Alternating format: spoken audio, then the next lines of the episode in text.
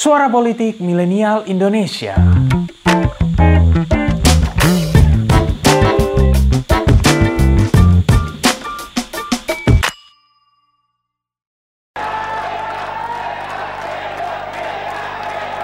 Dengan demikian, Wakil Presiden Republik Indonesia masa jabatan 99 sampai tahun 2004 adalah yang terhormat Saudara Megawati. Assalamualaikum warahmatullahi wabarakatuh. Ini mungkin jadi salah satu momen paling ikonik dalam sejarah Indonesia ketika Indonesia akhirnya punya tokoh perempuan dalam diri Megawati Soekarno Putri di salah dua jabatan tertinggi di Republik ini sebagai wakil presiden. Gegap gempita narasi reformasi dengan Mega sebagai simbol utamanya memang jadi perayaan besar masyarakat setelah 32 tahun ada di bawah kungkungan pemerintahan militeristik Orde Baru.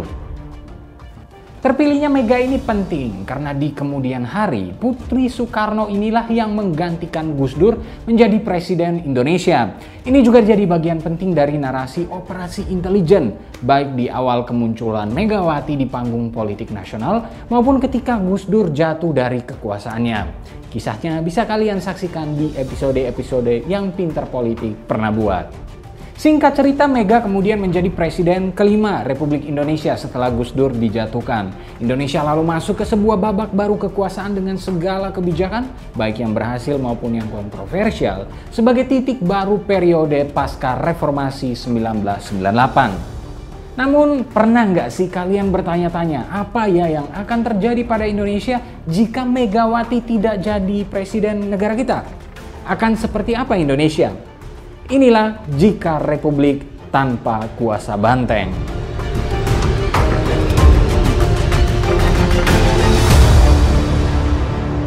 Sebelum sampai ke perandai-andaiannya, mungkin kita perlu sedikit berefleksi soal kondisi Indonesia di sekitaran tahun 1998. Krisis moneter dan kekacauan politik yang terjadi saat itu memang menuntut pengganti Soeharto haruslah orang yang bisa menyatukan kembali bangsa yang mulai terpecah-pecah. Kita tahu di era-era itu konflik di daerah-daerah juga sangat marak terjadi, mulai dari Aceh, Ambon, Poso, Papua, dan lain sebagainya. Nah, proses politik yang terjadi di MPR pada tahun 1999, katakanlah dengan munculnya koalisi poros tengah dari partai-partai Islam yang dimotori oleh Amin Rais, pada akhirnya membuat bola pendulum kekuasaan yang oleh banyak pihak diprediksi akan mengayun ke Mega, justru berayun ke Gus Dur. Apalagi PDIP adalah partai yang memenangkan pemilu legislatif di tahun 1999. Nah, di bawah kepemimpinan Gus Dur, intisari politik yang menyatukan nyatanya gagal diwujudkan. Ini karena Gus Dur dianggap gagal menghadirkan jalan tengah bagi bangsa yang tengah bergejolak. Gus Dur justru mengeluarkan kebijakan-kebijakan yang dinilai kontroversial, misalnya ganti-ganti jabatan petinggi militer, narasi soal pencabutan TAP MPRS tentang PKI, tarik-menarik kewenangan antara presiden dengan DPR, dan lain sebagainya. Bisa dibilang kondisi negara saat itu justru melahirkan saling persinggungan di sana-sini.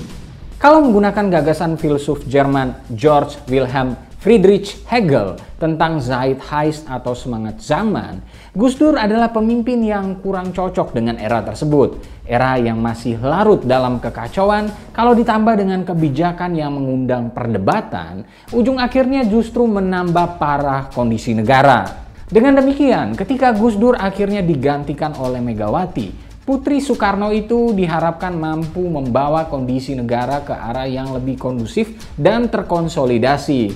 Well, meski ada banyak kekurangan di sana-sini, harus diakui di era Megawati, kondisi politik itu perlahan-lahan membaik. Nah, jadi kalau ditanya apa ya yang akan terjadi jika Megawati tidak jadi presiden kala itu dan Gus Dur masih melanjutkan kekuasaannya, hal yang pertama sangat mungkin terjadi adalah kondisi politik nasional akan menjadi lebih kacau.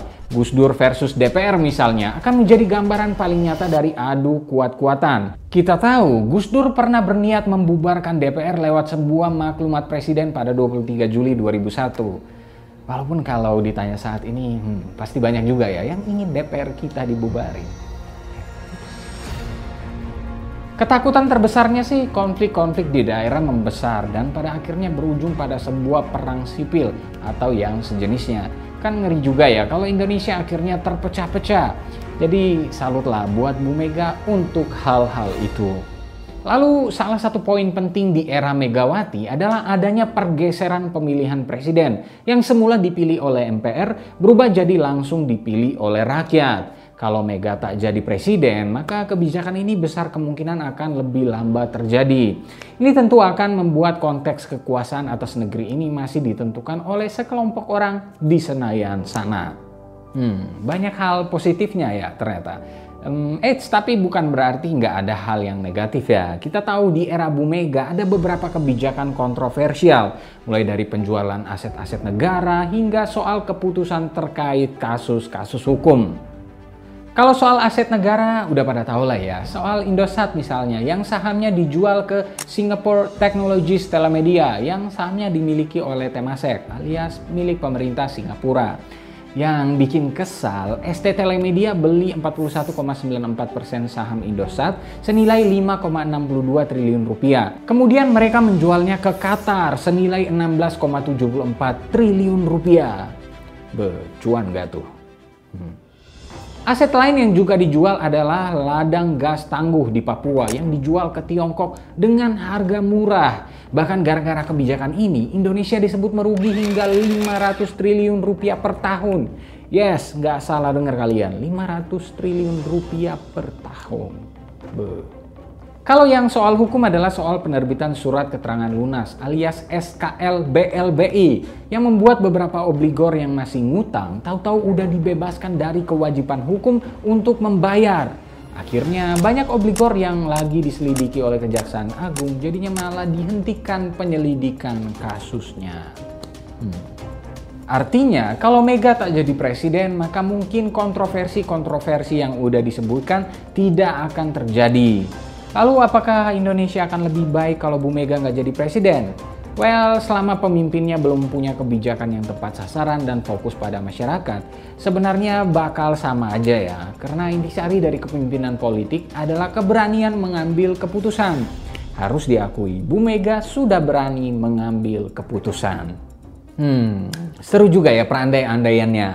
Nah, lalu bagaimana menurut kalian? Apa yang akan terjadi pada Indonesia kalau Megawati tidak jadi presiden?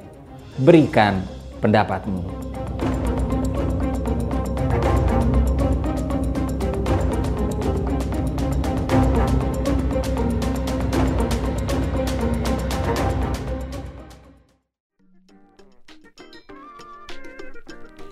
Terima kasih telah mendengarkan episode kali ini.